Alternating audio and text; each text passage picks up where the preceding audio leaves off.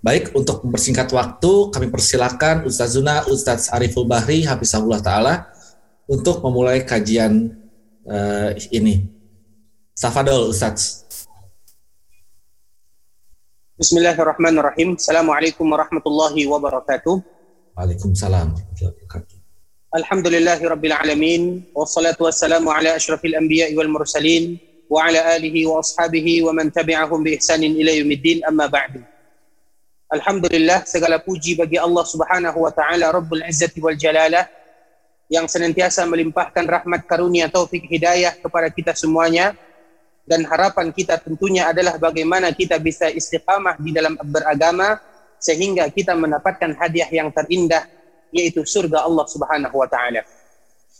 Kemudian salawat beriringkan salam semoga tetap tercurahkan buat baginda Rasulullah sallallahu alaihi wasallam uswah dan qudwah kita bersama junjungan yang senantiasa mengajarkan kepada kita yang terbaik di dalam agama tidak satu pun perkara yang berkaitan dengan akhirat kecuali Nabi telah mengajarkan kepada kita bersama sebagaimana tidak ada sesuatu yang membuat hambanya atau umatnya celaka kecuali Rasulullah Shallallahu Alaihi Wasallam telah memberikan kewaspadaan terhadap hal tersebut.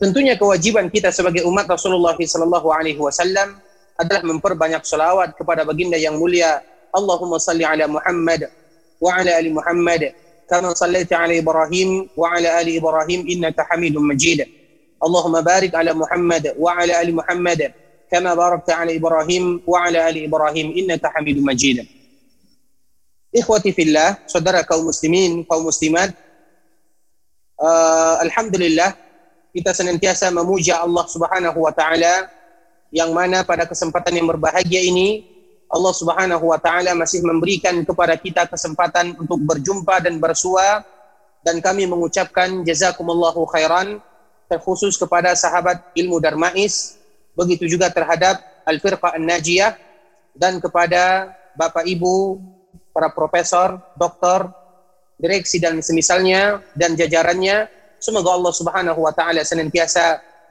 memberikan taufik dan hidayah serta kemudahan kepada kita bersama dan Allah Subhanahu wa taala ampunkan dosa kita dan semoga kita bisa diberikan istiqamah oleh Allah Subhanahu wa taala. Alhamdulillah pada pertemuan kali ini kita akan melanjutkan pembahasan Syarh Sunnah yang dikarang oleh Imam Al-Muzani Asy-Syafi'i rahimahumullahu taala jami'an yang meninggal pada tahun 264 Hijriah. Dan alhamdulillah pada kesempatan yang berbahagia ini pada pertemuan kita yang ketiga kita akan membahas tentang malaikat-malaikat Allah Subhanahu wa taala karena memang malaikat adalah bentuk hamba Allah dan kita wajib beriman kepada malaikat. Bahkan kita mengingat bahwa setiap kali disebutkan nama Allah Subhanahu wa taala dan beriman kepada Allah Subhanahu wa taala, maka setelahnya akan disebutkan bagaimana kita pula dianjurkan atau diwajibkan beriman kepada malaikat-malaikat Allah Subhanahu wa taala. Tentunya secara umum, beriman kepada malaikat itu kita berbicara tentang malaikat berlandaskan nas-nas yang jelas. Karena malaikat sama dengan makhluk yang lainnya atau makhluk ciptaan Allah yang lainnya yang sifat mereka itu adalah gaib. Sehingga kita tidak bisa berbicara tentang mereka kecuali dengan dalil-dalil yang sampai kepada kita. Baik itu Al-Quran ataupun sunnah-sunnah Rasulullah Sallallahu Alaihi Wasallam. Bapak Ibu, rahimani wa rahimakumullah. Semoga Allah menjaga kita semuanya. Sekarang kita akan membaca seperti biasa kita mulai membaca perkataan nas yang disebutkan oleh Imam Al-Muzani rahimahullah. Kemudian nanti kita ikut sertakan uh, kalau seandainya ada di antara kita yang ingin mencoba untuk membaca dan semoga Allah Subhanahu wa taala memberikan kemudahan. Kita akan membaca teksnya, uh, kemudian setelah itu kita akan membacakan artinya. Al-malaikatu. Khalaqal khalqa bimasyiatihi an ghairi hajatin kanat bihi.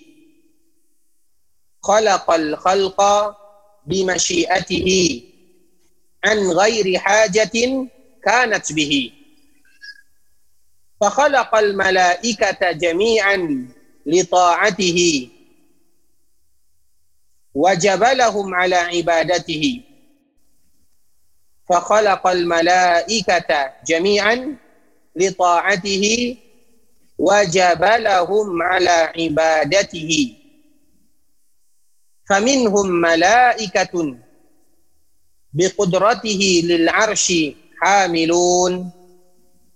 فمنهم ملائكة بقدرته للعرش حاملون وطائفة منهم حول عرشه يسبحون وطائفة منهم حول عرشه يسبحون. وآخرون بحمده yuqaddisun wa akharuna bihamdihi. Yuqaddisun wastafa minhum rusulan ila rusulih wastafa minhum rusulan ila rusulih wa ba'du mudabbiruna li amrih. Wa ba'du mudabbiruna li amrih. Kita ulang sekali lagi. Al-malaikatu khalaqal khalqa bimasyiatihi an ghairi hajatin kanat bihi فخلق الملائكة جميعا لطاعته وجبلهم على عبادته فمنهم ملائكة بقدرته للعرش حاملون وطائفة منهم حول عرشه يسبحون وآخرون بحمده يقدسون واصطفى منهم رسلا إلى رسله وبعد مدبرون لأمره Artinya al-malaikah, malaikat. Khalaqal khalqa. Allah menciptakan makhluk bimasyiatihi yaitu sesuai dengan kehendak Allah Azza wa Jal. An ghairi hajah. An ghairi yaitu tanpa hajah, tanpa hajat. Kanat bihi kepada mereka atau kepada ciptaannya. Fakhalaqal malaikata dan Allah menciptakan malaikat jami'an semuanya li ta'atihi untuk agar mereka melakukan taat atau agar mereka taat kepada Allah. Wajabalahum ala ibadatihi dan Allah wajibkan kepada mereka untuk beribadah kepadanya. Faminhum malaikatun. Ada sebahagian mereka malaikat biqudratihi dengan ke keagungan Allah Azza wa Jalla lil arsy hamilun yaitu mereka membawa arash Allah Subhanahu wa taala. Wa ta'ifatun minhum ada lagi sebahagian di antara malaikat tersebut haula arsyihi yusabbihun haula seputar atau sekitar arasnya Allah mereka senantiasa bertasbih. Wa akharuna bihamdihi yuqaddisun. Ada lagi sebahagian di antara mereka memuji dan bertahmid kepada Allah Subhanahu wa taala. Wastafa minhum rusulan ila rusulih. Ada sebahagian yang Allah memilih mereka sebagai utusan kepada para rasulnya wa ba'du mudabbiruna li amri dan sebahagian yang lain mengatur urusan yang diperintahkan Allah kepada mereka al malaikat atau malaikah Allah menciptakan makhluknya dengan kehendaknya tanpa butuh kepada makhluk tersebut. Maka Allah menciptakan malaikat semuanya untuk taat kepadanya dan mewajibkan beribadah kepadanya. Ada di antara mereka malaikat yang dengan kekuatan dan keagungan Allah membawa arash. Ada sebahagian yang lain mereka bertasbih di sekeliling arash ada sebahagian yang lain memuji dan bertahmid kepada Allah Azza wa Jalla serta mensucikannya. Dan sebahagian yang lain Allah utus kepada para rasulnya. Dan sebahagian yang lain diatur untuk mengatur urusan yang telah ditentukan oleh Allah Subhanahu wa taala. Ini merupakan ikhwatal Islam, ini merupakan teks yang dibaca atau yang disebutkan oleh Imam Al-Muzani rahimahullahu taala uh, sekarang kita masuk kepada bagian yang selanjutnya. Kalau seandainya ada di antara kita uh, mungkin dua atau tiga orang yang ingin membacanya, sehingga kita mengetahui lafaz-lafaz atau teks yang disebutkan oleh para ulama tersebut, terutama yang berkaitan dengan akidah. Barakallahu fikum kami persilahkan.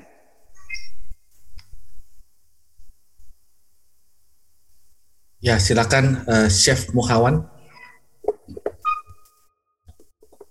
Assalamualaikum warahmatullahi wabarakatuh. Waalaikumsalam warahmatullahi wabarakatuh. Bismillah al malaikatu. Qal khalaqal khalqi bi. Khalqa al khalqi bi syiatihi an ghairi hajatan kanat bihi wa khalaqal malaikata jami'an li ta'atihi wa jabaluhum ala jabalahum. wajabalahum ala ibadatihi ala ibadatihi. Faminhum malaikati biqudratihi lil arsi hamilun wa ta'ifata minhum haula arsihi yusabbihuna wa akharuna bihamdihi yaqdisun. Yuqaddisun. Wa minhum. Yuk yuk apa? Yuqaddisun. Yuqad, wa minhum rusulan ila risalah. Rusulihi. wa rusulihi wa ba'do mudabbirun li amrihi. Masya Allah. Artinya, uh, barakallahu fikum. Artinya, Allah menciptakan makhluk dengan kehendaknya, bukan karena Allah butuh pada makhluk. Allah menciptakan malaikat seluruhnya untuk taat kepadanya. Dan Allah menjadikan tabiat atau malaikat itu adalah beribadah kepadanya. Di antara malaikat itu ada yang bertugas dengan kemampuan memikul arsh. Sebagian lagi bertasbih di sekitar arsh. Yang lain mensucikannya dengan memujinya. Allah memilih di antara mereka, para malaikat, sebagai utusan kepada utusannya. Sebagian lagi mengatur urusan-urusan lain sesuai perintahnya Masya Allah, barakallahu fikum, barakallahu fikum. Jazakumullahu khaira, barakallahu fikum. Baik, kalau yang lain kami persilahkan. Silakan uh, Iwan Fadil. Taib. Bismillahirrahmanirrahim. Assalamualaikum Ustaz. Waalaikumsalam warahmatullahi wabarakatuh. Al-malaikatu khalaqal khalqa bimasyiatihi عن غير حاجة كانت به. فخلق الملائكة جميعا لطاعته وجبلهم على عبادته. فمنهم ملائكة بقدرته للعرش حاملون. وطائفة منهم حول عرشه يسبحون وآخرون بحمده يقدسون. واصطفى منهم رسلا إلى رسله وبعد مدبرون لأمره. InsyaAllah artinya barakallahu fikum. Uh, malaikat Allah Subhanahu wa taala menciptakan makhluknya dengan uh, bimasyiatihi dengan kehendaknya tanpa ada kebutuhan Tuhan kepada mereka, yakni kepada makhluknya. Maka Allah Subhanahu wa taala menciptakan malaikat seluruhnya untuk taat kepadanya wa jabalahum apa Ustaz? Afwan. Tabiat atau mewajibkan juga bisa. Dan, Dan mewajibkan kepada mereka. Dan merupakan tabiat mereka untuk beribadah kepadanya. Maka sebagian mereka ada malaikat dengan kudrah Allah memikul arasnya. Dan di antara mereka ada yang berada di sekitar arasnya dan senantiasa bertasbih kepadanya.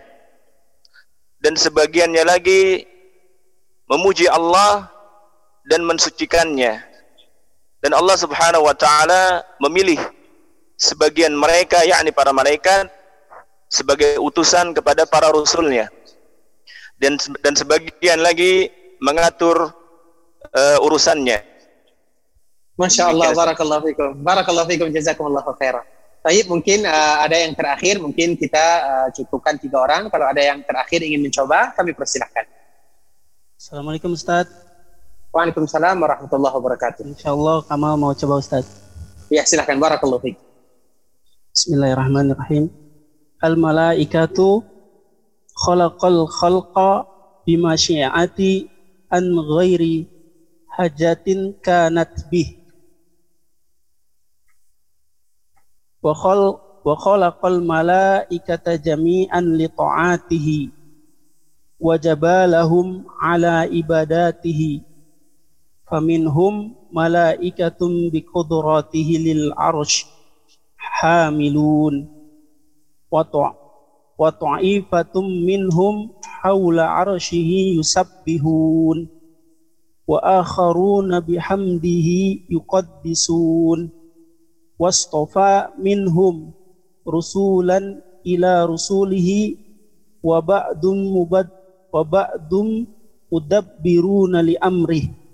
insyaallah. Artinya barakallahu fikum. Al malaikah malaikat. Allah menciptakan makhluk sesuai dengan kehendak Allah tanpa hajat padanya. Dan Allah menciptakan malaikat semuanya untuk selalu taat kepada Allah dan Allah wajibkan mereka untuk ibadah hanya kepada Allah. Ada di sebagian mereka yang membawa arsh atas kuasanya, ada lagi sebagian mereka yang bertasbih di sekeliling arsh. Sebagian yang lain mensucikan Allah dengan memuji kepadanya. Allah pun memilih di antara mereka sebagai para utusan kepada para rasulnya dan sebagian yang lain mengatur alam semesta atas perintah Allah. Masya Allah, barakallahu fikum kepada uh, yang sudah berkesempatan untuk membaca dan semoga Allah Subhanahu wa taala menjaga kita semuanya dan memberikan insyaallah kita berpartisipasi untuk berusaha saling uh, membaca atau untuk membaca teks-teks yang telah disebutkan oleh para ulama. Baik ikhwatal Islam, saudara kaum muslimin, kaum muslimat, Bapak Ibu rahimani wa rahimakumullah. Sekarang kita ingin memaparkan sedikit tentang pembahasan para malaikat. Di awal kitab ini atau di awal ketika berbicara tentang malaikat, Imam Al-Muzani rahimahullah menyebutkan khalaqal khalqa bimasyiatihi an ghairi hajatin kanat bih. Allah Subhanahu wa taala menciptakan seluruh makhluk, seluruh makhluk Allah Subhanahu wa taala. Namun ada poin penting yang harus kita ingat ketika Allah menciptakan makhluk dan hambanya bukan berarti Allah butuh kepada mereka. Sehingga ini merupakan ikhwatal Islam, motivasi kepada kita semuanya. Ketika Allah menciptakan kita, bukan berarti Allah yang butuh kepada kita. Begitu juga ketika Allah Subhanahu wa taala menurunkan para nabi dan para rasul, menurunkan kitab, menurunkan menurunkan agama Islam dan mengutus para nabi dan para rasul, Tujuannya adalah bukan berarti Allah butuh kepada kita, namun kita yang butuh kepada Allah. Kita yang butuh kepada agama Allah. Kita yang butuh kepada utusan Allah Subhanahu wa taala.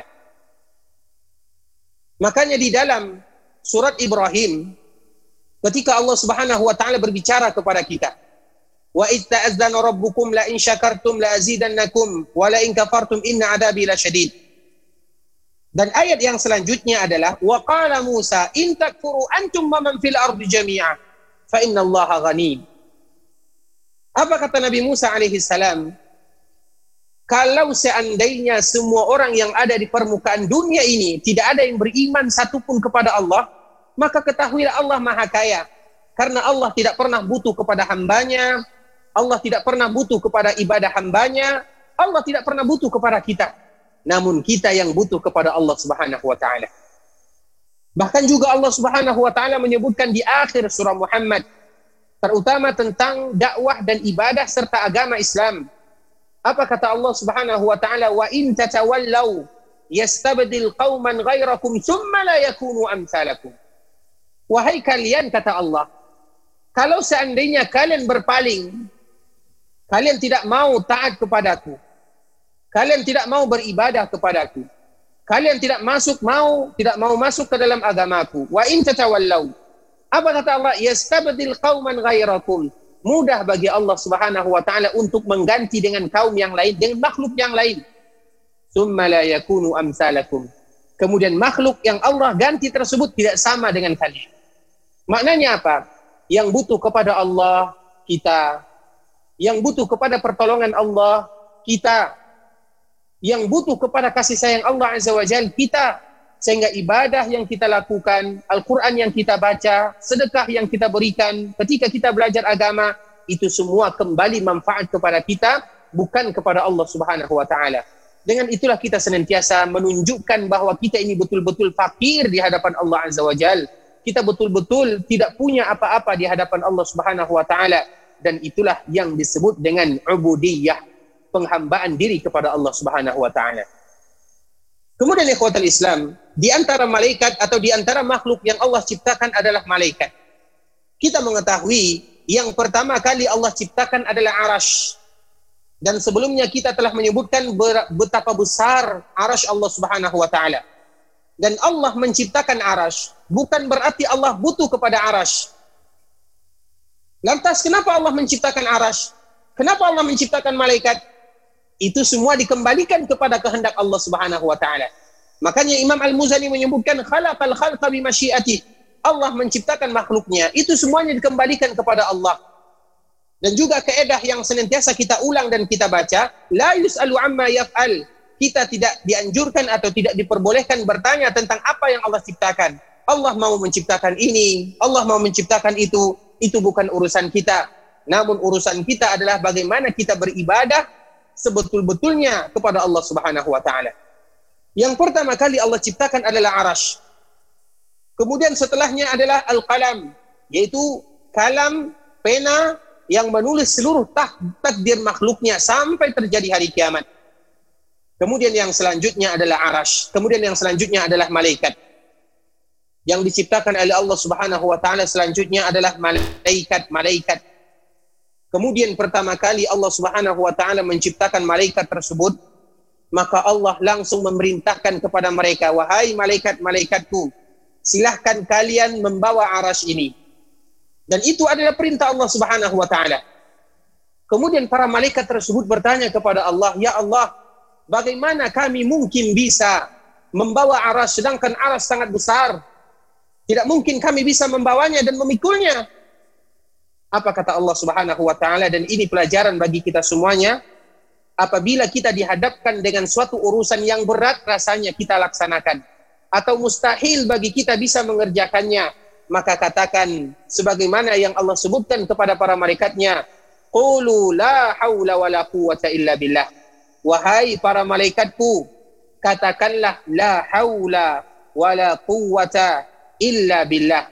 Tiada daya dan upaya kecuali semuanya atas izin Allah Subhanahu wa taala. Sehingga ketika Allah menciptakan malaikat tersebut, Allah memberikan perintah kepada mereka dan perintahnya adalah memikul arasy Allah Subhanahu wa taala. Kemudian ikhwatul Islam rahimani wa rahimakumullah, kita mengetahui bahwa sesungguhnya malaikat itu adalah makhluk Allah yang sangat banyak yang Allah ciptakan dari cahaya. Jumlah malaikat itu sangat banyak, bahkan berjuta-juta kali lipat dibandingkan dengan manusia. Makanya pernah disebutkan di dalam sebuah hadis Nabi Shallallahu Alaihi Wasallam, tidak satupun permukaan bumi ini yang jaraknya lebih daripada empat jari jemari kita ini, kecuali di sana ada kening malaikat yang sujud kepada Allah Subhanahu Wa Taala. Coba kita bayangkan, tidak satupun kalau seandainya tangan kita ini kita letakkan di bumi, maka setiap itu pula lah jarak malaikat Allah Subhanahu wa taala yang bersujud kepada Allah Subhanahu wa taala. Kemudian kita lihat lagi ikhwatul Islam, ada yang namanya Baitul Ma'mur. Baitul Ma'mur itu adalah sebuah masjid yang ada di langit sana. Disebut dengan Baitul Ma'mur. Yang Allah sebutkan di dalam surah At-Tur. Wal Baitul wal Baitul Ma'mur. Baitul Ma'mur itu adalah masjid yang ada di langit. Sebagaimana yang disebutkan oleh para ulama dan di antaranya adalah Imam At-Tabari dan Imam Al-Qurtubi rahimahumullahu taala jami'an bahwa rumah ini atau masjid ini senantiasa dimasuki oleh malaikat Allah Subhanahu wa taala. Satu hari yang masuk ke dalam rumah tersebut adalah 70 ribu malaikat dan mereka yang masuk ke dalam Baitul Ma'mur tidak akan pernah keluar lagi sampai hari kiamat. Maknanya apa? Satu hari yang masuk ke dalamnya adalah 70 ribu. Dan kita mengetahui bagaimana jumlah malaikat mulai dari zaman Nabi Adam alaihissalam dan Baitul Ma'mur itu posisinya adalah dekat Ka'bah atau kalau bahasa kitanya kita ibaratkan di atasnya Ka'bah karena memang Ka'bah itu merupakan pusatnya dunia yang diciptakan oleh Allah Subhanahu wa taala dan di atasnya itu disebut dengan Baitul Ma'mur, masjid yang ada di langit dan itu merupakan tempat malaikat yang masuk ke sana satu hari masuk ke dalamnya 70 ribu dan mereka yang masuk tidak akan pernah keluar lagi darinya. Sangat banyak malaikat Allah Subhanahu wa taala.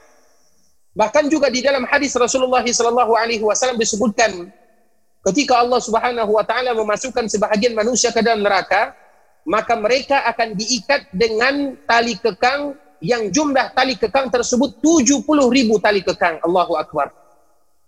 Karena ketika kita nanti berada di akhirat, ketika kita berada di surga dan semoga kita semuanya diberikan kesempatan masuk surga dan ada sebahagian mereka yang masuk neraka, maka porsi tubuh kita ini berbeda.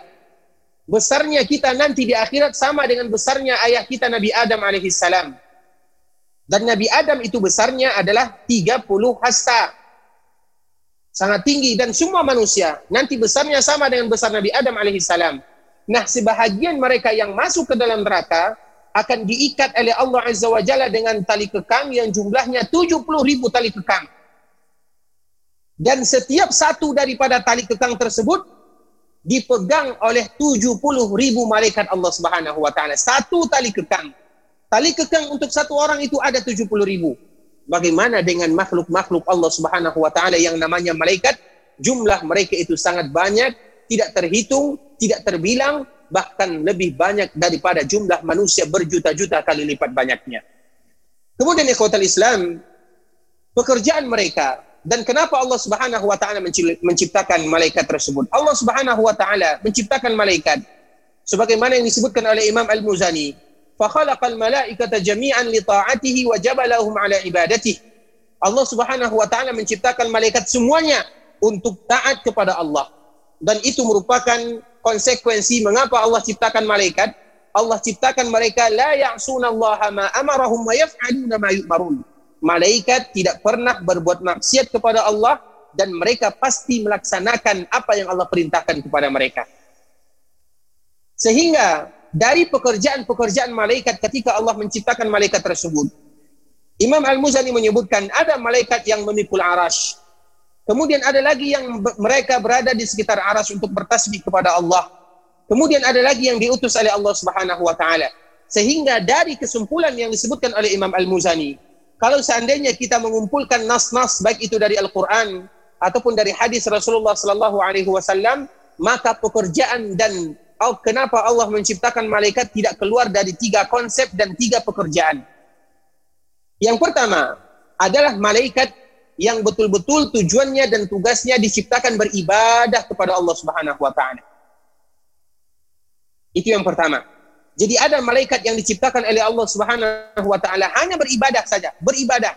Yang satunya memikul aras, mereka akan memikul aras sampai hari kiamat. Yang satunya lagi bertasbih, mereka akan bertasbih sampai hari kiamat. Yang lain mereka sujud sebagaimana yang disebutkan Nabi. Setiap bumi kita ini ada malaikat yang sujud di sana. Setiap satu jengkal tanah kita ini ada malaikat yang sujud di sana. Maka mereka akan sujud sampai hari kiamat.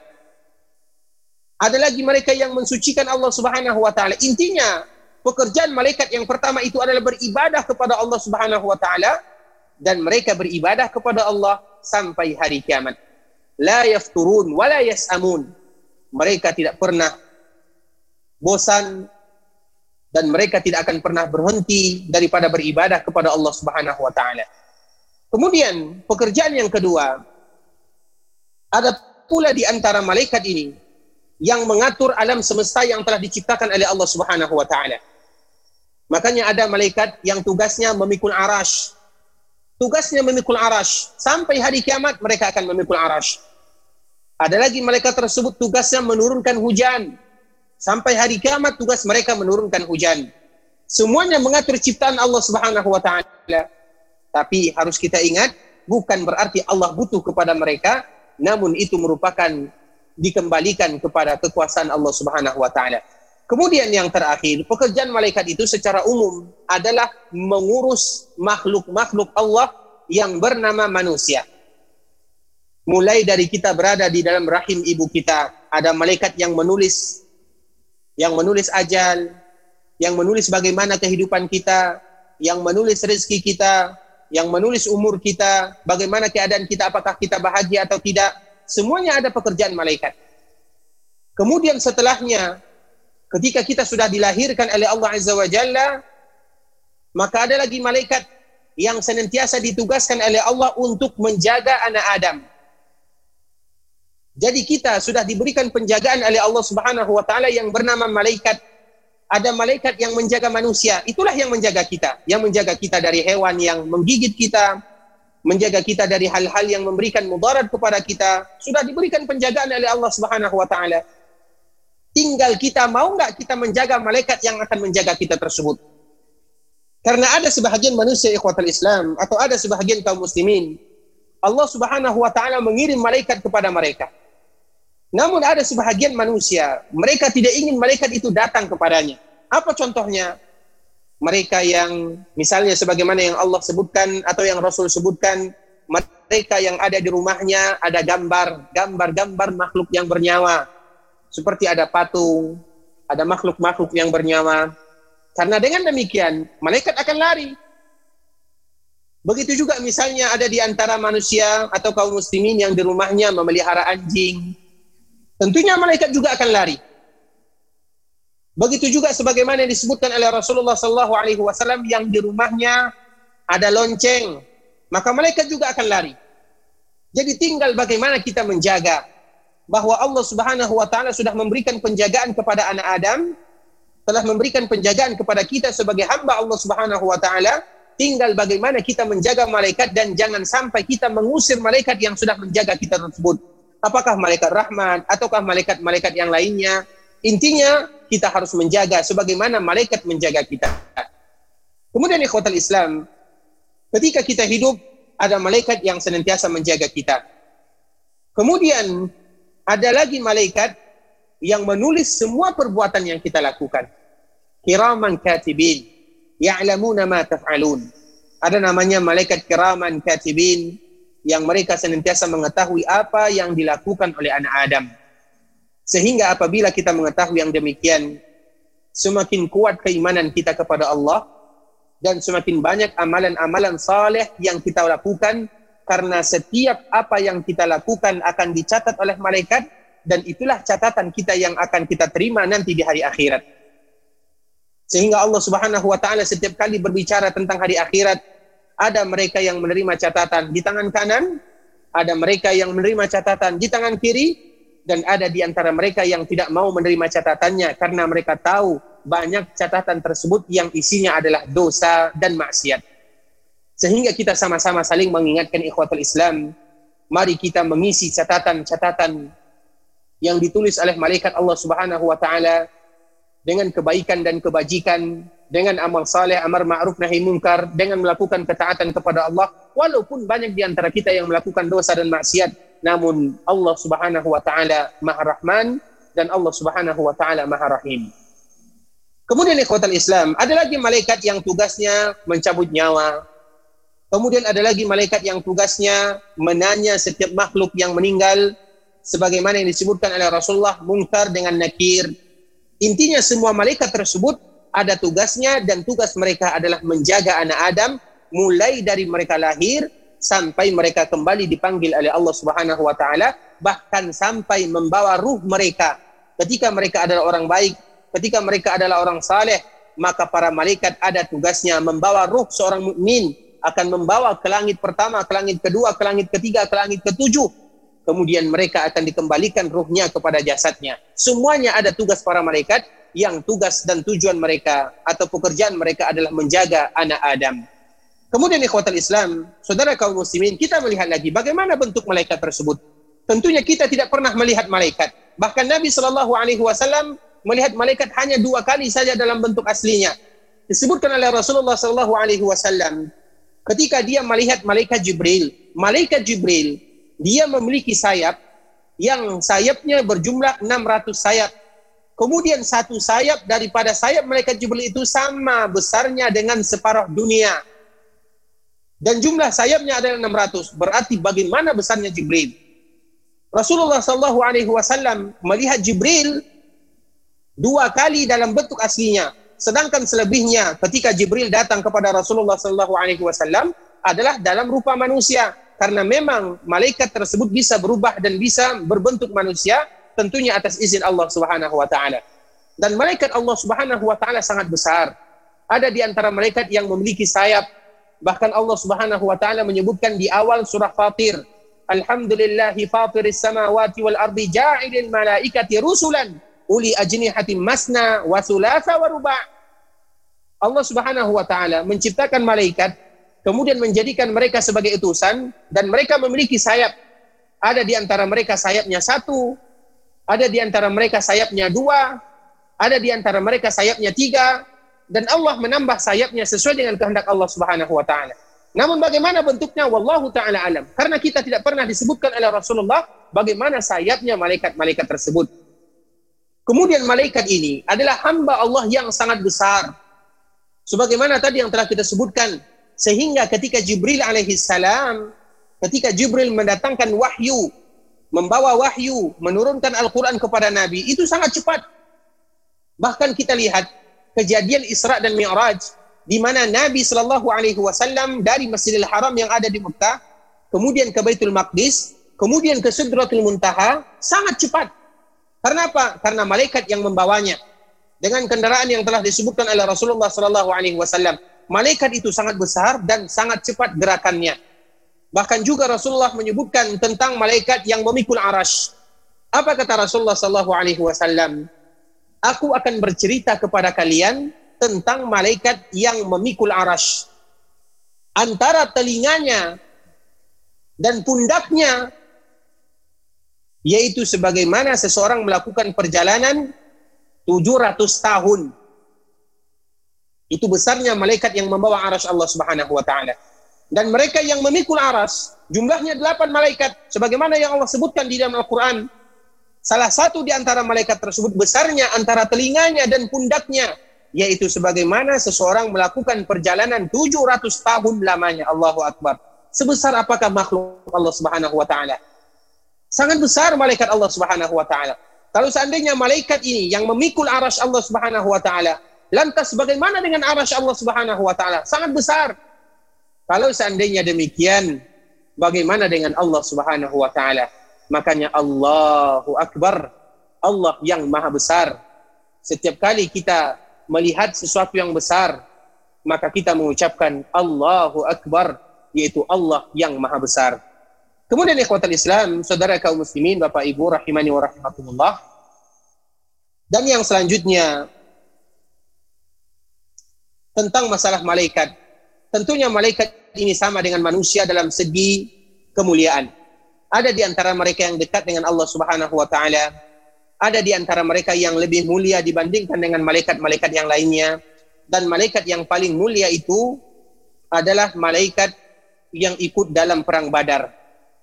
Sebagaimana manusia yang paling mulia setelah para nabi dan para rasul adalah sahabat-sahabat yang ikut dalam perang Badar dan ini merupakan poin yang terpenting manusia yang paling mulia setelah para nabi dan para rasul adalah para sahabat yang ikut dalam perang Badar. Semua mereka yang ikut dalam perang Badar itu adalah manusia yang paling mulia setelah para nabi dan para rasul.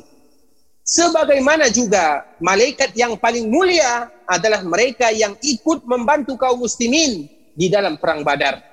Dan yang paling mulia di antara mereka adalah Jibril alaihissalam, kemudian Mikail, kemudian Israfil.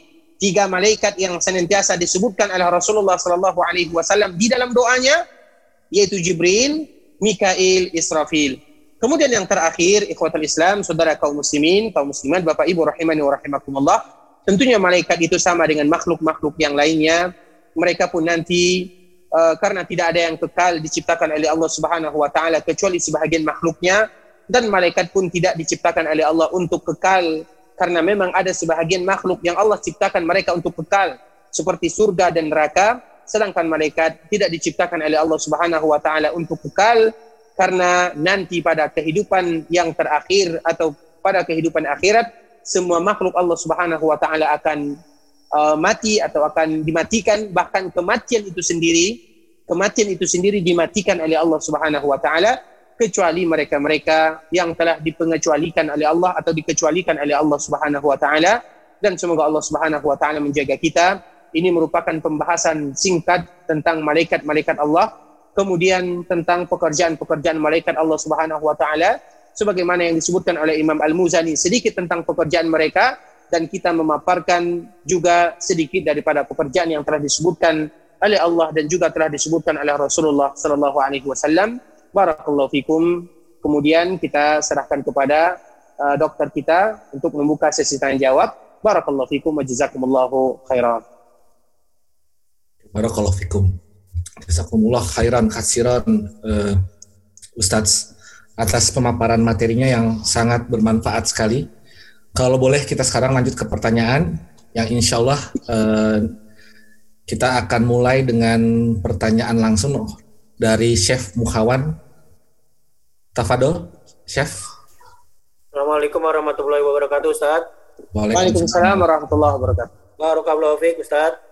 Wa iyyakum Uh, dalam surat Al-Baqarah ayat 30 Allah Subhanahu wa taala pernah berfirman wa id qala rabbuka lil malaikati inni ja'ilun fil ardi khalifah al ayat. Bagaimana uh, menafsirkan atau barangkali menurut Ustaz ketika Allah mengatakan pada para malaikat aku akan menciptakan makhluk uh, kemudian malaikat kenapa engkau akan menciptakan makhluk yang akan apa terjadinya pertemuan dan seterusnya. Bagaimana menjelaskan ini ya Ustadz? Syukran. Assalamualaikum Ustadz. Waalaikumsalam warahmatullahi wabarakatuh kepada Bapak kita yang bertanya. Semoga Allah menjaganya, menjaga keluarganya, memberkahi uh, hartanya dan juga memberkahi kaum muslimin semuanya. Tentunya firman Allah Subhanahu wa taala di surah Al-Baqarah, "Wa idz qala rabbuka lil malaikati inni ja'ilun fil ardi khalifah." Qalu ataj'alu fiha man yufsidu fiha wa yasfiku dima' Ketika Allah Subhanahu wa taala berbincang-bincang dengan malaikat Allah Subhanahu wa taala.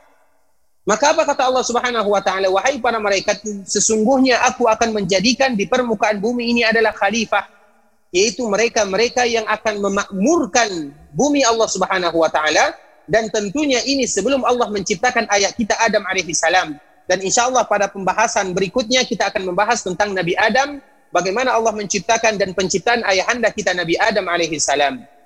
Nah, kenapa malaikat bertanya demikian? Karena di bumi ini, sebagaimana yang disebutkan oleh para ulama, di bumi ini sebelum manusia sudah ada yang meninggal, sudah ada yang menghuninya. Di bumi Allah sudah ada yang menghuninya. Siapa mereka yang menghuni bumi Allah Subhanahu wa taala sebelum kita atau sebelum manusia? Adalah para jin. Kemudian ketika mereka menghuni bumi Allah Subhanahu wa taala, maka mereka saling berebutan, mereka saling membunuh, mereka saling menumpahkan darah. Dan ini disaksikan oleh malaikat-malaikat Allah Subhanahu wa taala. Mereka tahu kejadian yang ada sebelumnya. Karena memang ketika Allah menciptakan malaikat, kemudian setelahnya Allah menciptakan hal-hal yang Allah ciptakan dan setelahnya adalah Allah ciptakan bumi. Kemudian Allah ciptakan langit. Kemudian Allah ciptakan isi-isi yang ada di dalam bumi tersebut. Kemudian Allah jadikan para jin menghuni bumi ini. Jadi para jin mereka sudah pernah menghuni bumi Allah Subhanahu wa taala, namun yang terjadi adalah ketika mereka menghuni bumi Allah, mereka menumpahkan darah, mereka saling berperang, mereka melakukan hal-hal yang malaikat tahu dan menyaksikan apa yang mereka lakukan. Sehingga kenapa para malaikat bisa mengatakan ya Allah, ataj'alu fiha man yufsidu fiha? Apakah engkau menciptakan yang akan melakukan kerusakan sama seperti yang dulu? Yaitu sebelum Allah menciptakan Adam alaihi salam.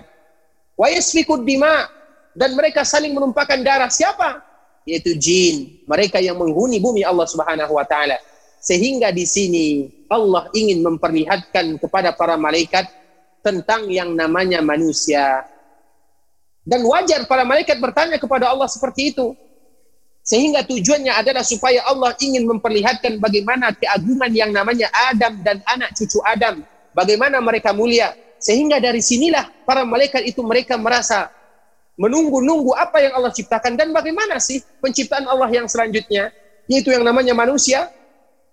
Dan insya Allah akan kita bahas pada pertemuan yang berikutnya. Karena memang pada bab yang berikutnya kita akan membahas tentang makhluk yang berikutnya yang bernama Adam alaihissalam ayahanda kita semuanya dan kita sebagai anak cucunya.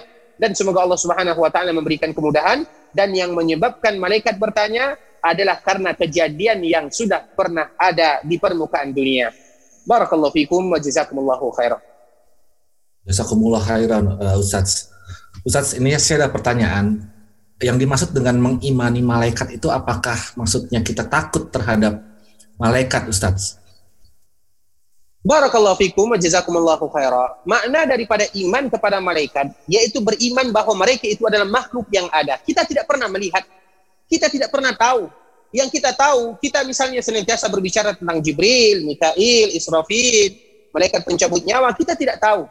Kita tidak pernah melihat, namun kita bisa merasakan beriman kepada malaikat artinya adalah bagaimana kita beriman bahwa mereka adalah makhluk Allah yang paling mulia, makhluk Allah Subhanahu wa taala yang Allah ciptakan untuk mengurus anak Adam dan manusia dan kita beriman kepadanya karena memang di antara konsekuensi keimanan adalah beriman kepada malaikat yaitu beriman dengan seluruh yang ada nas dari Al-Qur'an ataupun dari hadis Nabi sallallahu alaihi wasallam seluruh yang ada di sana kita harus beriman.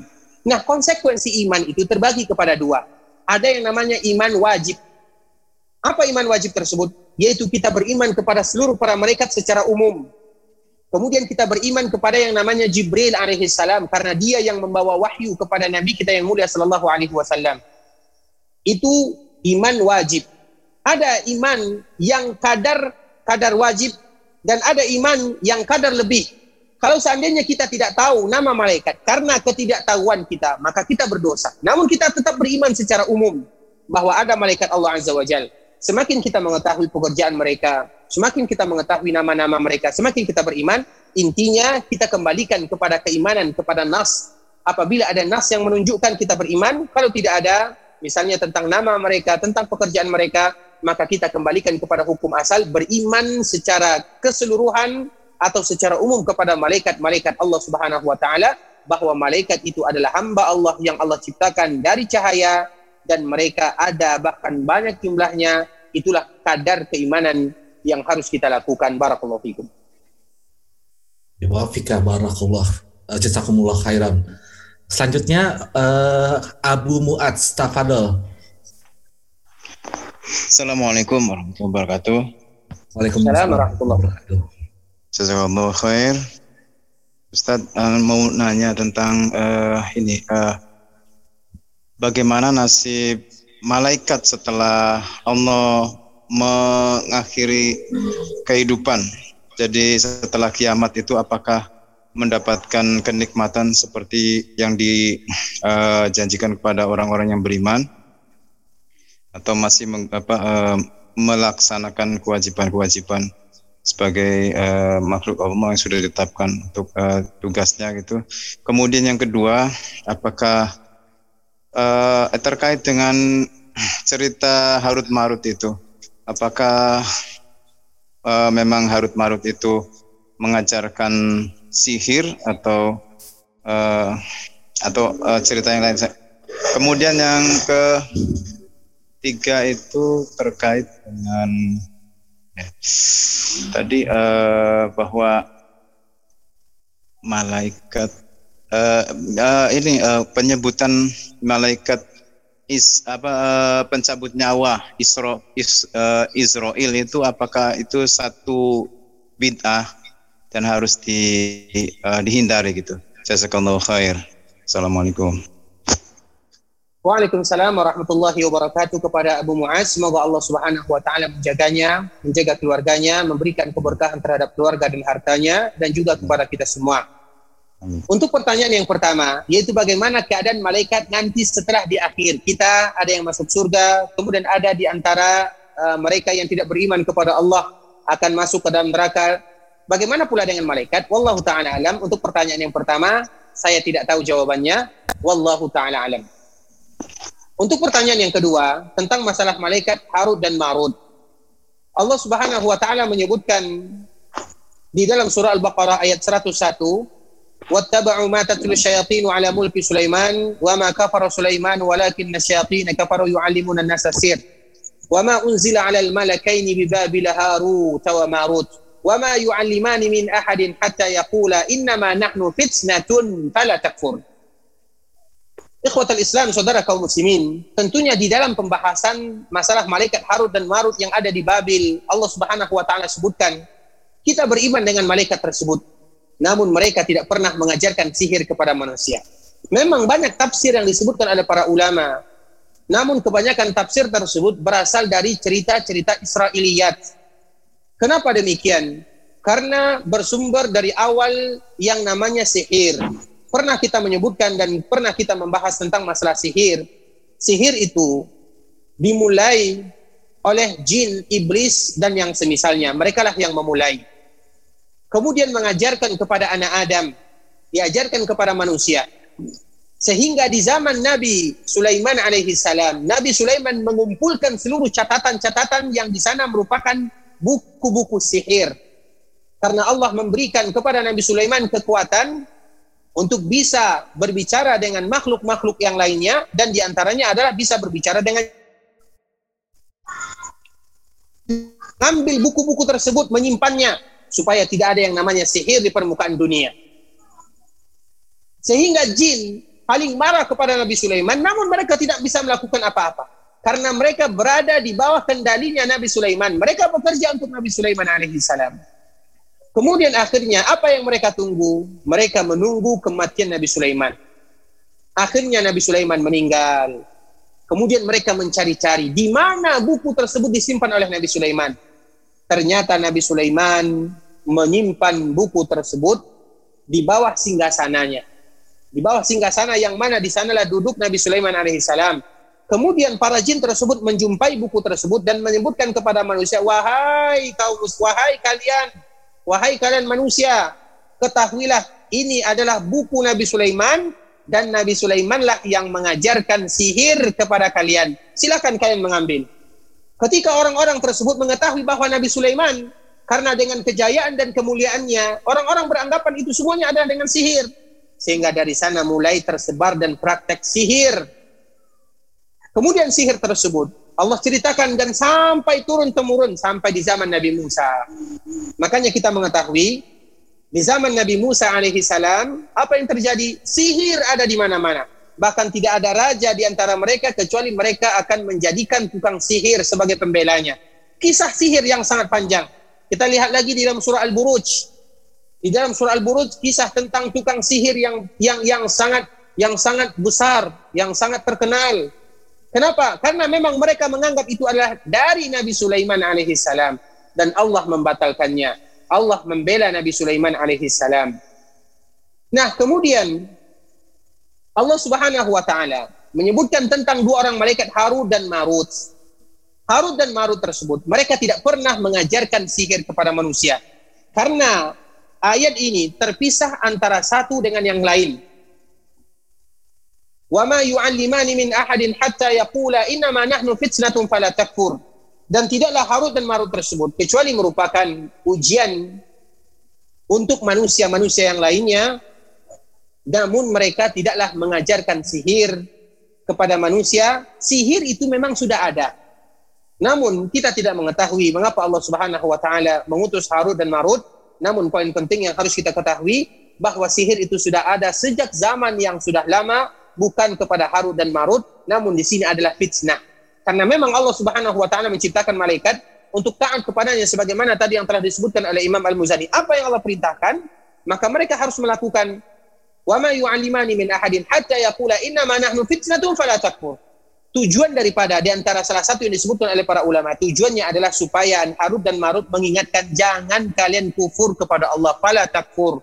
Jangan kalian kufur kepada Allah karena sihir adalah bentuk kekufuran kepada Allah Subhanahu wa taala dan di antara yang Allah mengutus Harut dan Marut tersebut adalah mengingatkan manusia jangan kalian kufur kepada Allah Subhanahu wa taala.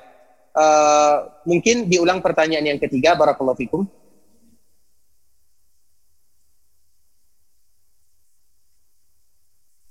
Uh, terkait uh, penyebutan Israel sebagai malaikat pencabut nyawa, apakah itu uh, termasuk bid'ah yang harus ditinggalkan? Barakallahu fikum. Uh, barakallahu fikum. Uh, untuk pertanyaan yang ketiga ini Abu Muaz, barakallahu fikum jazakumullahu khairan. Tentunya masalah Israel kita tidak bisa mengatakan bahwa itu penyebutannya adalah bid'ah. Namun hadis-hadis yang berkaitan dengan Israel tersebut adalah hadis-hadis yang lemah. Ada sebahagian di antara mereka atau sebagian para ulama mereka menguatkan hadis tersebut yaitu penamaan dengan Israel.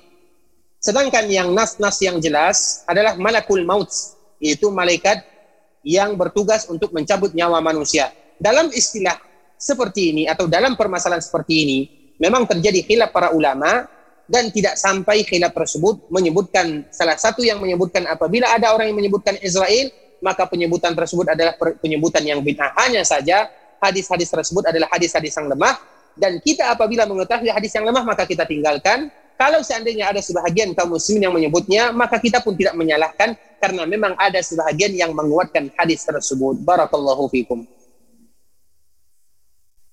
Jazakallah khairan Ustaz. Boleh izin sekarang masuk ke kolom chat karena sudah cukup banyak Ustaz yang bertanya. Apakah malaikat itu membisikkan kebaikan kepada manusia atau tidak Ustaz? Tafadol Ustaz. Barakallahu fikum ikhwatal Islam. Malaikat senantiasa memberikan bantuan kepada manusia. Malaikat senantiasa mendoakan manusia. Malaikat senantiasa mengajak manusia melakukan kebaikan. Makanya kita tahu ada dua. Yang pertama ada karin, yang kedua ada malaikat. Di sisi kita ada karin.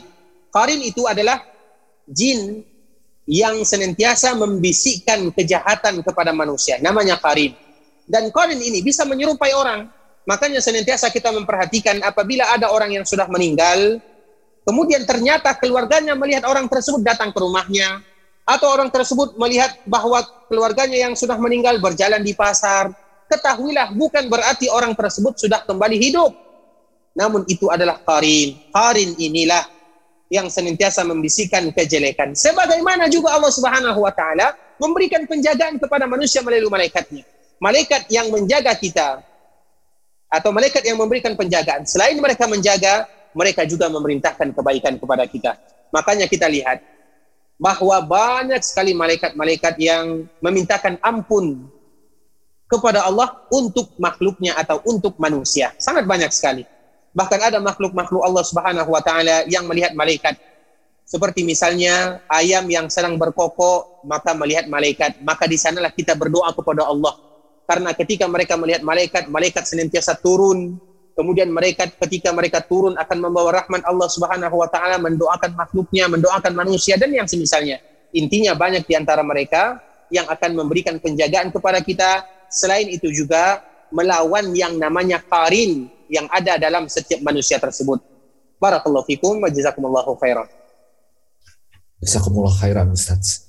Uh, kalau boleh Pak Kamal, Tafadol. Baik, Syukran jazakallah khair. Assalamualaikum Ustaz. Waalaikumsalam warahmatullahi wabarakatuh. Masya Allah, barakallahu fiqh Ustaz.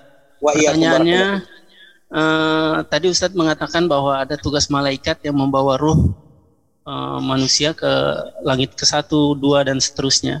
Kemudian dikembalikan lagi ke jasadnya, begitu Ustaz. Adakah hikmah yang terkandung dalam kejadian tersebut Ustaz? Syukran jazakallah khair. Barakallahu fikum kepada Bapak Kamal. Semoga Allah Subhanahu wa taala menjaganya, menjaga keluarganya dan juga menjaga kita semua. Dalam hadis Bara bin Azib, sahabat Rasulullah sallallahu alaihi wasallam yang menceritakan kepada kita tentang bagaimana seorang mukmin ketika nanti dicabut nyawanya oleh Allah Subhanahu wa taala. Untuk mengetahui apa hikmah yang ada di sana, maka kita akan membacakan dan menyebutkan secara ringkas hadis Barak bin Azib yang diriwayatkan oleh Imam Abu Daud rahimahullahu taala. Hadis tersebut menyebutkan apabila seorang mukmin mereka meninggal atau apabila seorang mukmin mereka akan meninggal, maka akan datang amalan-amalan kebaikannya. Akan datang salat di kanannya, zakat di kirinya, sedekah dari arah bawahnya, karena yang namanya kematian itu adalah sakarat. Sakarat itu berat. Dan di antara doa Rasulullah Shallallahu Alaihi Wasallam adalah bagaimana dimudahkan kita untuk uh, menghadapi sakaratul maut. Namun sakarat itu berat. Namun Allah Subhanahu Wa Taala memberikan kabar gembira kepada hamba-hambanya yang beriman. Apa kabar gembira? Ketika seorang mukmin sedang menghadapi sakarat, maka akan datang kebaikan-kebaikannya, datang sholatnya, datang zakatnya, datang sudakohnya, datang amar ma'rufnya, datang kebaikan-kebaikannya sehingga dia bahagia. Ketika dia sedang bahagia, maka di saat itulah malaikat mencabut nyawanya. Sehingga disebutkan di dalam hadis tersebut, seorang mukmin keluar ruhnya dari jasadnya ibarat seseorang yang menuangkan air. Air yang mengalir, seperti itulah ruh seorang mukmin keluar dari jasadnya ketika malaikat mau mencabut nyawanya. Diberikan kemudahan oleh Allah Subhanahu wa taala karena mereka sangat berbahagia. Kenapa mereka bahagia?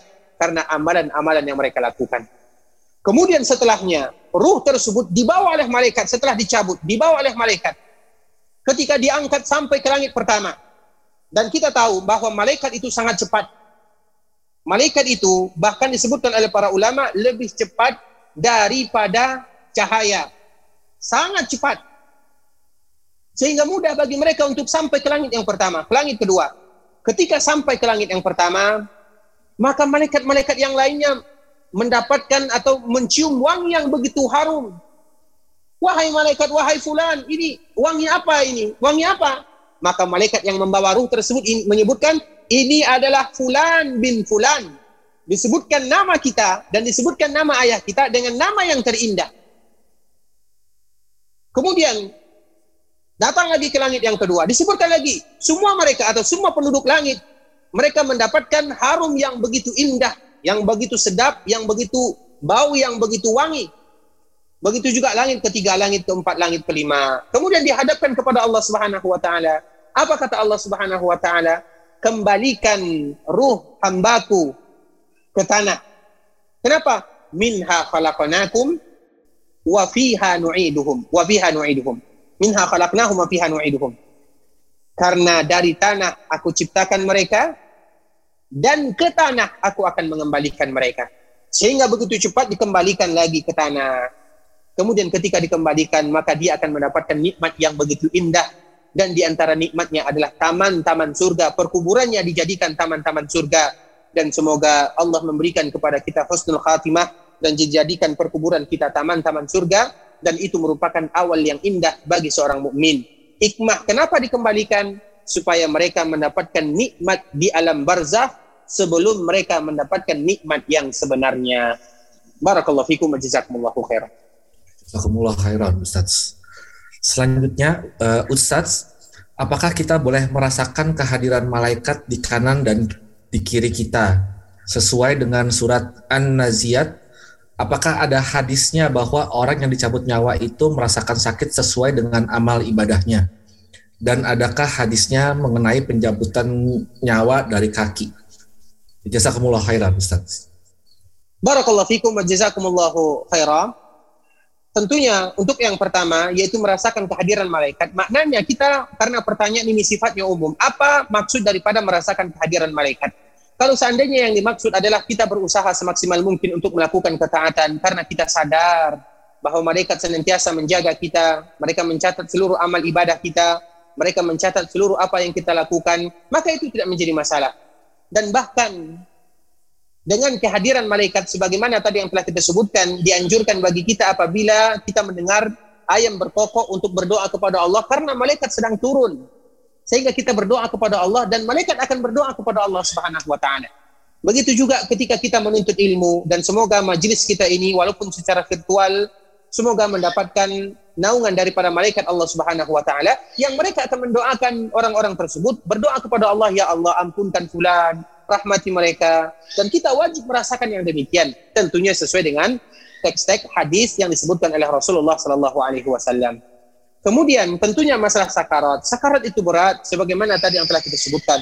Sehingga di antara doa Nabi yang diajarkan kepada kita, Allahumma hawwin alaina sakaratul maut.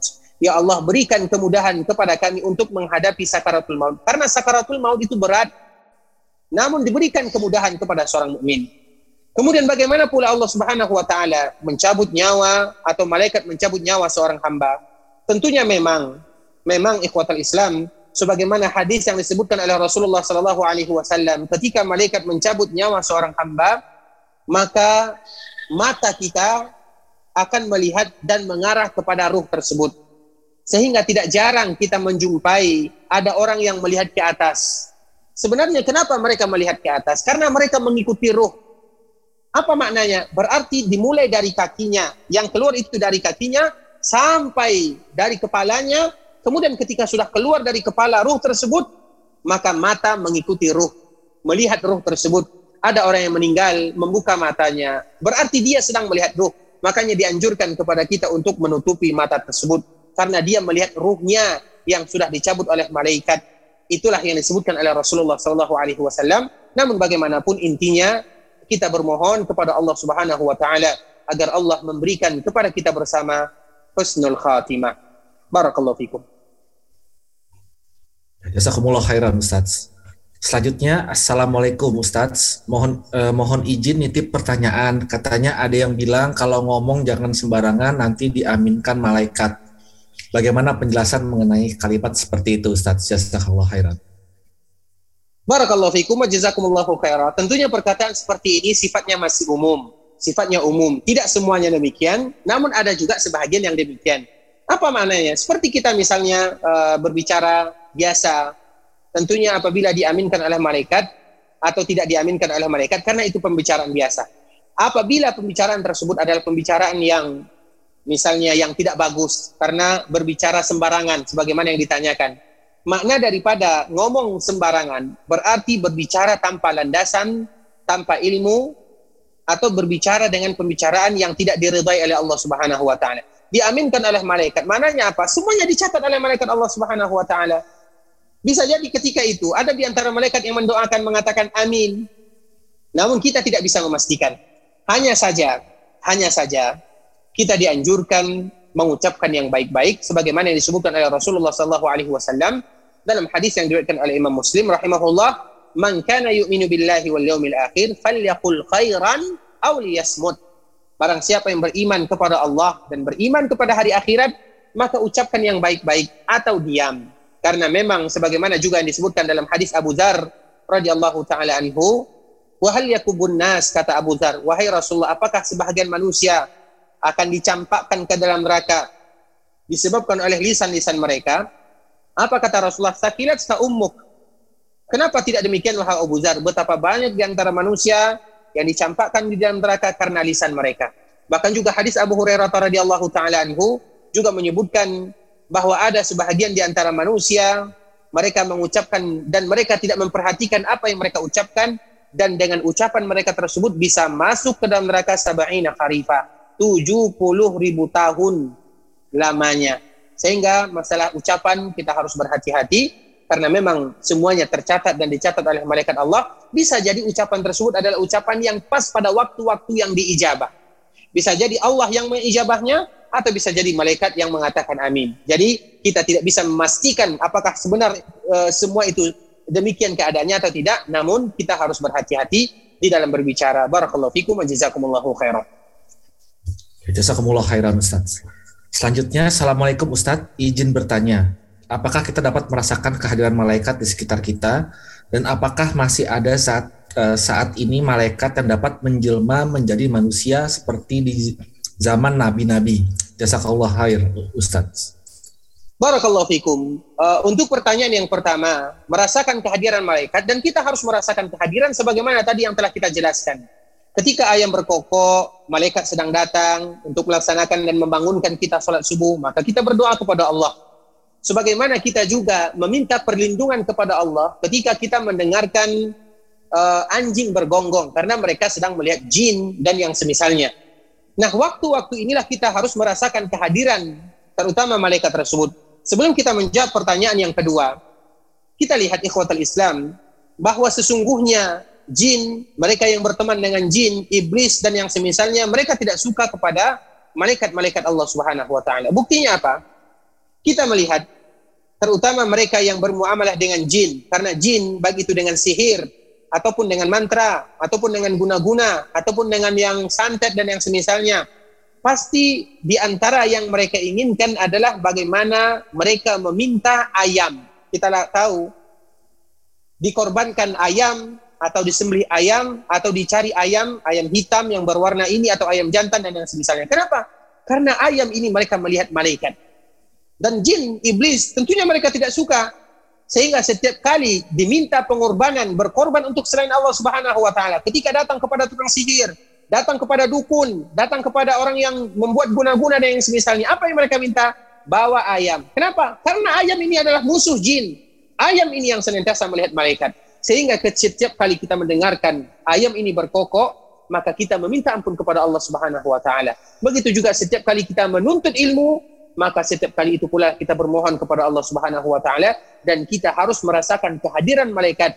Dan begitu juga mereka yang menunggu salat dari salat yang lainnya. Seperti orang yang menunggu salat maghrib ke salat isya malaikat sedang menaunginya sedang mendoakannya. Kita harus merasakan yang demikian.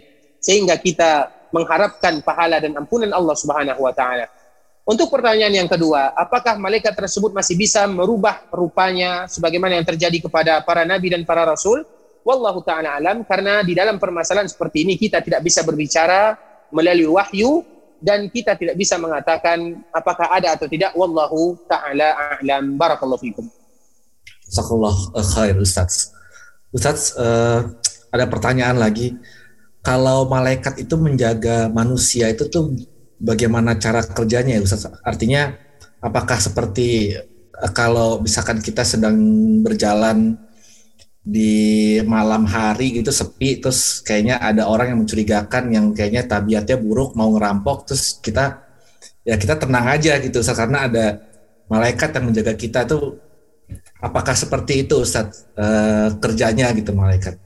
Ya jazakallah khair Ustaz Barakallahu fikum ikhwatal Islam semoga Allah Subhanahu wa taala menjaga kita semuanya kejadian yang sama sebagaimana yang disebutkan oleh Ali bin Abi Thalib radhiyallahu taala anhu ketika dikatakan kepadanya ada musuhmu yang sedang mengintaimu, ada musuhmu yang sedang mengintaimu atau yang sedang mengincarmu. Apa kata Ali bin Abi Thalib radhiyallahu taala anhu? Dia menyandarkan kepada Allah Subhanahu wa taala dan dia mengatakan bahwa sesungguhnya ada malaikat Allah yang akan menjagaku. Dan penjagaan tersebut akan terlepas apabila sudah sampai takdirnya. Penjagaan tersebut sudah terlepas apabila sudah sampai takdirnya. Maknanya seperti misalnya apabila takdir orang tersebut akan wafat, maka tentunya akan wafat dan malaikat akan pergi dari mereka. Namun apabila ajalnya belum datang, maka malaikat ini akan senantiasa menjaga mereka. Permasalahannya, apakah kita tahu atau tidak bahwa itu adalah ajal dan takdir kita atau bukan? Sehingga dari sinilah kita harus melakukan apa? Melakukan usaha.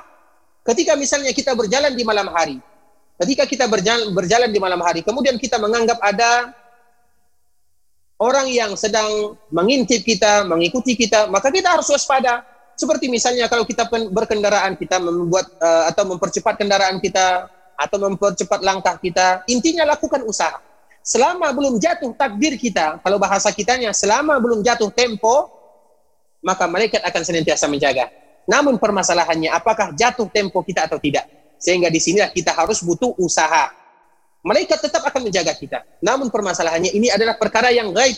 Kita tidak tahu malaikat, kita tidak pernah melihat malaikat, namun kita merasakan bagaimana mereka menjaga kita. Namun apakah takdir kita sudah datang atau belum? Di situ kita tidak tahu sehingga usaha yang harus kita lakukan. Barakallahu fikum. Jazakallah khair Ustaz. Selanjutnya um, apakah hanya Jibril yang bisa membaca Al-Qur'an Ustaz? Karena kalau kita membaca Al-Quran, yang saya tahu mereka hanya mendengarkan. Ya, ya kalau khair Ustaz, tafadhal. Barakallahu fikum, wallahu ta'ala alam. Uh, saya tidak tahu jawabannya. Barakallahu fikum.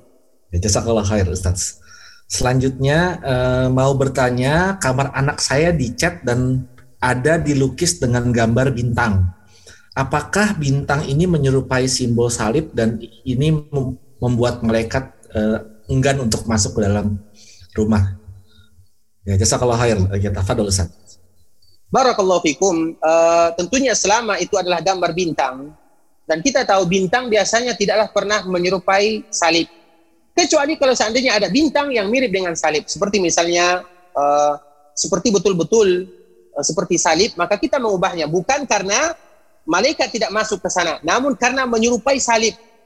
Karena selama itu bukan makhluk yang bernyawa, maka malaikat akan datang, malaikat rahmat akan menjaga kita, menjaga keluarga kita, menjaga masyarakat kita, menjaga kita diri kita dan keluarga kita. Namun yang menjadi permasalahannya bukan masalah penjagaan malaikat, namun penyerupaan dengan salib. Apakah betul-betul serupa dengan salib? Apabila tidak sama dengan salib, maka tidak menjadi masalah. Seperti misalnya empat bintangnya ada misalnya bintangnya ada empat uh, cabangnya, kemudian setiap cabang itu sama, maka itu tidak menyerupai salib. Tentunya tidak menyerupai salib. Dan itu dikembalikan kepada kita. Apakah menyerupai salib atau tidak menyerupai salib? Wallahu taala alam. Barakallahu fikum. Jazakallah khair Ustaz. Lalu apakah gambar bunga yang dikasih dua bulatan seperti bagian mata di pakaian bayi itu termasuk gambar yang dilarang? Eh, syukran jazakumullah khair Ustaz. Uh, barakallahu fikum jazakumullahu khaira. Tentunya bunganya tidak menjadi masalah. Yang menjadi masalah matanya dari mana. Sehingga bagaimanapun kita berusaha semaksimal mungkin. Apalagi yang namanya anak-anak. Kenapa? anak-anak ini rentan mendapatkan gangguan karena mereka bisa melihat mereka bisa melihat makhluk halus, mereka bisa melihat jin, mereka bisa melihat sehingga kita senantiasa melakukan penjagaan, penjagaan dari pakaian, penjagaan dari doa karena mereka rentan mendapatkan sesuatu yang kita tidak tahu. Makanya kadang-kadang ada sebagian anak kaum muslimin mereka menangis tiba-tiba. Bahkan yang lebih parah lagi ada di antara mereka yang wafat tiba-tiba. Nas'alullah as-salamata wal afiyah. Sehingga kita harus menjaga menjaga dari pakaiannya. Kita hindarkan sesuatu yang berbentuk pakaian atau berbentuk uh, berbentuk makhluk yang bernyawa. Setiap sesuatu yang berbentuk makhluk bernyawa kita hindarkan. Kenapa? Supaya anak kita ini tetap terjaga, supaya dia tidak diganggu oleh iblis, oleh jin karena kita tahu iblis jin itu senantiasa memberikan gangguan kepada anak-anak. Makanya kita di samping itu juga kita harus membacakan doa untuk anak-anak kita. Kita tidak boleh membawa mereka keluar ketika matahari ingin terbenam. Kenapa? Karena itu semuanya adalah untuk menjaga anak-anak kaum muslimin. Mereka belum bisa berbicara, namun mereka bisa merasakan, mereka menangis. Makanya rentan anak-anak ini terkena ain. Ain itu adalah mata jahat atau gangguan jin ataupun yang semisalnya dan kita bermohon kepada Allah Subhanahu wa taala agar Allah menjaga anak-anak kita dan anak-anak kaum muslimin. Memang terutama masalah anak-anak ini kita ingin menghadirkan kepada mereka mainan carilah mainan-mainan yang akan memberikan manfaat kepada kita dan juga memberikan manfaat kepada mereka. Terutama hindarkan sesuatu yang berbentuk makhluk bernyawa. Barakallahu fiikum wa jazakumullahu khairan. Jazakumullah khairan Ustaz. Uh, ini kebetulan pertanyaan sudah habis. Uh, izin saya ingin bertanya uh, sebagai pertanyaan terakhir Ustaz. Lalu kalau boleh setelah itu Ustadz boleh menyimpulkan dan memberikan benang merah mengenai kajian uh, kita malam ini. Pertanyaan terakhir adalah uh, tadi sempat disebutkan mengenai uh, adanya apabila memelihara anjing itu uh, malaikat jadi enggan datang ke rumah.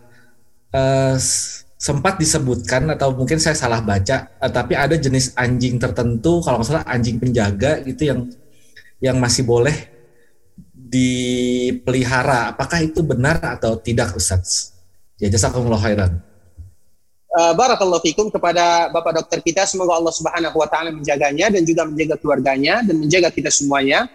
Kita akan menyebutkan terutama tentang hal-hal yang bisa membuat malaikat lari dari kita. Di antara salah satunya adalah makhluk bernyawa atau gambar. Apa dalilnya? Aisyah radhiyallahu taala anha dia pernah menyulam membuat gambar burung di bantal Rasulullah Sallallahu Alaihi Wasallam. Tentunya seorang istri ingin menghibur suaminya, ingin melihat pemandangan yang indah di kamarnya, dan itulah yang dilakukan oleh ibunda kita Aisyah radhiyallahu taala anha. Kemudian ikhwatul Islam, ketika Rasulullah Sallallahu Alaihi Wasallam sampai, tentunya dengan wahyu Allah Subhanahu Wa Taala, dan hendak melangkahkan kaki masuk ke kamar Aisyah radhiyallahu taala anha atau ingin masuk ke rumah Aisyah radhiyallahu taala anha, maka langkah kaki Nabi sallallahu alaihi wasallam terhenti. Sehingga melihat Nabi tidak ingin masuk ke rumah Aisyah, maka Aisyah langsung mengatakan Astaghfirullah wa atubu ilaih, astaghfirullah wa atubu ilaih. Aku minta ampun kepada Allah, aku bertobat kepada Allah. Apa gerangan kesalahan yang aku lakukan ya Rasulullah? Dan begitulah kita sebagai seorang muslim, yaitu senantiasa beristighfar kepada Allah setiap kali kita melakukan kesalahan.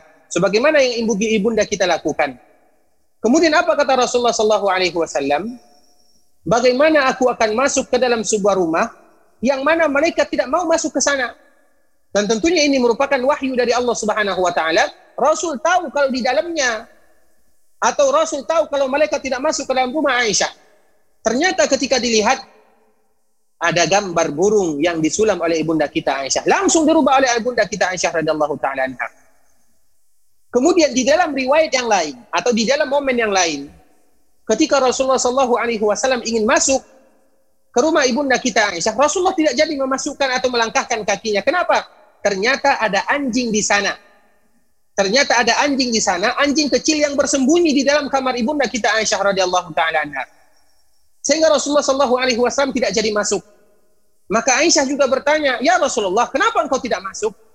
Kemudian dicari-cari, dicari-cari, ternyata ada anjing yang bersembunyi di sana. Sehingga anjing apabila dipelihara oleh kaum muslimin, maka itu adalah penyebab mereka atau penyebab rumah mereka tidak dihuni atau tidak didatangi oleh malaikat-malaikat Allah Subhanahu wa taala terutama malaikat rahmat. Nah, ada beberapa keadaan yang kita diizinkan untuk memelihara anjing. Apa keadaan tersebut? Yang pertama adalah anjing untuk menjaga perkebunan atau anjing untuk menjaga peternakan, bukan anjing menjaga rumah. Kita harus membedakan antara dua hal. Yaitu anjing yang dijadikan untuk menjaga peternakan atau perkebunan bukan anjing yang menjaga rumah. Kemudian begitu juga anjing yang dijadikan untuk berburu, maka itu juga diberikan keringanan di dalam syariat Islam. Sedangkan di rumah dipelihara anjing di rumah, maka itu tidak diperbolehkan karena Allah sudah memberikan kepenjagaan kepada kita, kita gantungkan penjagaan tersebut kepada Allah Subhanahu wa taala bukan kepada makhluk Allah Subhanahu wa taala yang akan menyebabkan atau yang akan memberikan mudarat kepada kita. Sehingga masalah anjing sebagaimana tadi yang telah kita sebutkan boleh kita memeliharanya dan menjaganya namun di tempat-tempat yang Allah izinkan di sana seperti untuk berburu, seperti misalnya untuk uh, menjaga peternakan kita atau perkebunan kita bukan untuk menjaga rumah kita. Barakallahu fikum. Alhamdulillah khairan Ustaz. Eh, silakan uh, mungkin sebagai benang merah kajian kita hari ini mengenai mengimani malaikat Ustaz. Tafadol. Barakallahu fikum, barakallahu fikum wa jazakumullahu khaira. Semoga Allah Subhanahu wa taala menjaga kita semuanya. Tentunya ikhwatul Islam rahimani wa rahimakumullah. Ketika kita mengetahui bahwa malaikat itu adalah makhluk-makhluk Allah Subhanahu wa taala yang senantiasa berdoa kepada Allah Subhanahu wa taala untuk kita, dan Allah Subhanahu wa taala betul-betul mengkhususkan ada sebahagian malaikat yang mereka senantiasa berdoa kepada Allah untuk mengampunkan dosa anak Adam. Banyak malaikat-malaikat yang ditugaskan oleh Allah Subhanahu wa taala dan Allah memberikan izin kepada mereka. Allah memberikan izin kepada malaikat-malaikat tersebut agar mereka mendoakan anak Adam sebagaimana yang disebutkan oleh Rasulullah sallallahu alaihi wasallam apabila ada di antara mereka yang belajar menuntut ilmu agama maka malaikat menaunginya apabila ada di antara mereka yang melihat atau yang mendengar ayam berkokok kemudian berdoa kepada Allah, Allah akan ampunkan doa mereka. Kemudian apabila ada di antara mereka yang aminnya sama dengan amin yang disebutkan oleh imam di dalam salat, maka malaikat pun sama aminnya dengan amin yang disebutkan oleh imam tersebut, maka Allah akan ampunkan dosa mereka. Maknanya banyak momen-momen dan di antaranya adalah apabila seseorang yang salat, kemudian mereka duduk seperti misalnya setelah salat fardu atau setelah salat sunat atau mereka menunggu dari satu solat kepada solat yang lainnya, maka malaikat senantiasa mengucapkan Allahumma firlahu, Allahumma rahamhu, Ya Allah ampunkan dosa hambamu, Ya Allah sayangi hambamu. Itulah yang dilakukan oleh malaikat-malaikat Allah Subhanahu wa taala. Sehingga apabila kita betul-betul beriman kepada malaikat Allah dan kita mengetahui bagaimana tugas mereka dalam satu segi, maka kita akan memperbanyak beristighfar kepada Allah dan yang kita harapkan adalah bagaimana malaikat berdoa kepada Allah untuk kita sehingga kita mencari momen-momen tersebut karena kita menganggap belum tentu doa kita bisa dikabulkan oleh Allah Azza wa Jal. Namun malaikat ketika berdoa kepada Allah akan dikabulkan oleh Allah karena mereka adalah makhluk yang khusus yang diciptakan oleh Allah Subhanahu wa taala. Begitu juga dalam segi yang lainnya. Ketika kita mengetahui beriman kepada malaikat, kita sadar, kita yakin ada malaikat yang menjaga kita, maka kita akan merasa bertawakal kepada Allah. Ketika kita merasa yakin atau ketika kita merasa ada malaikat yang senantiasa menulis semua gerak-gerik kita, maka kita akan berusaha melakukan yang terbaik dalam kehidupan dunia karena catatan itu akan diserahkan kepada Allah Subhanahu wa taala. Itulah konsekuensi beriman kepada malaikat. Bagaimana kita semakin kuat ibadahnya, bagaimana kita semakin bagus muamalahnya, bagaimana kita saling meningkatkan kualitas ibadah, bagaimana kita memakmurkan bumi Allah Subhanahu wa taala dengan kebaikan-kebaikan sehingga kita akan menerima catatan kebaikan tersebut dan kita akan berbahagia dengannya. Ikhwatal Islam, Bapak Ibu, terkhusus kepada sahabat ilmu dan mais, eh, kepada Bapak dokter, kepada para profesor, semoga Allah Subhanahu wa taala menjaga kita semuanya. Semoga Allah Subhanahu wa taala senantiasa memberikan taufik dan hidayah apabila ada di antara kita yang sedang diberikan ujian. Allah Subhanahu wa taala memberikan kemudahan. Apabila ada sebahagian kaum muslimin yang diberikan sakit semoga Allah menyembuhkan. Apabila ada di antara kita yang dililit oleh hutang semoga Allah melunaskan. Apabila kita sedang dihimpit dalam kegelisahan. Semoga Allah Subhanahu wa taala menyelesaikan permasalahan kita semuanya. Allah ampunkan dosa kita. Allah angkat wabah ini dari kita semuanya. Dan Allah menjaga keluarga kita. Dan Allah mudahkan setiap urusan kita di dunia. Dan juga Allah mudahkan urusan kita di perkuburannya, di perkuburan kelak sebagaimana kita juga meminta kepada Allah agar Allah mempermudahkan urusan kita di hari akhirat kelak. Barakallahu fikum ikhwatal Islam. Yang benar dari Allah Subhanahu wa taala, yang salah dari diri kami karena kurangnya ilmu kami, karena kebodohan dan kejahilan kami dan kami mohon maaf kalau seandainya ada kata-kata yang salah, kata-kata yang silap, kami mohon maaf. Kita tutup dengan membaca doa kafaratul majlis. Subhanakallahumma bihamdika asyhadu an la ilaha illa anta astaghfiruka wa atubu ilaik. Wa sallallahu wa sallim ala nabiyyina Muhammadin wa ala alihi wa sahbihi wa sallam tasliman katsira. Assalamualaikum warahmatullahi wabarakatuh. Waalaikumsalam warahmatullahi wabarakatuh. Terima kasih Ustaz. Irji'i ila rabbiki radiyatan فادخلي في عبادي وادخلي جنتي.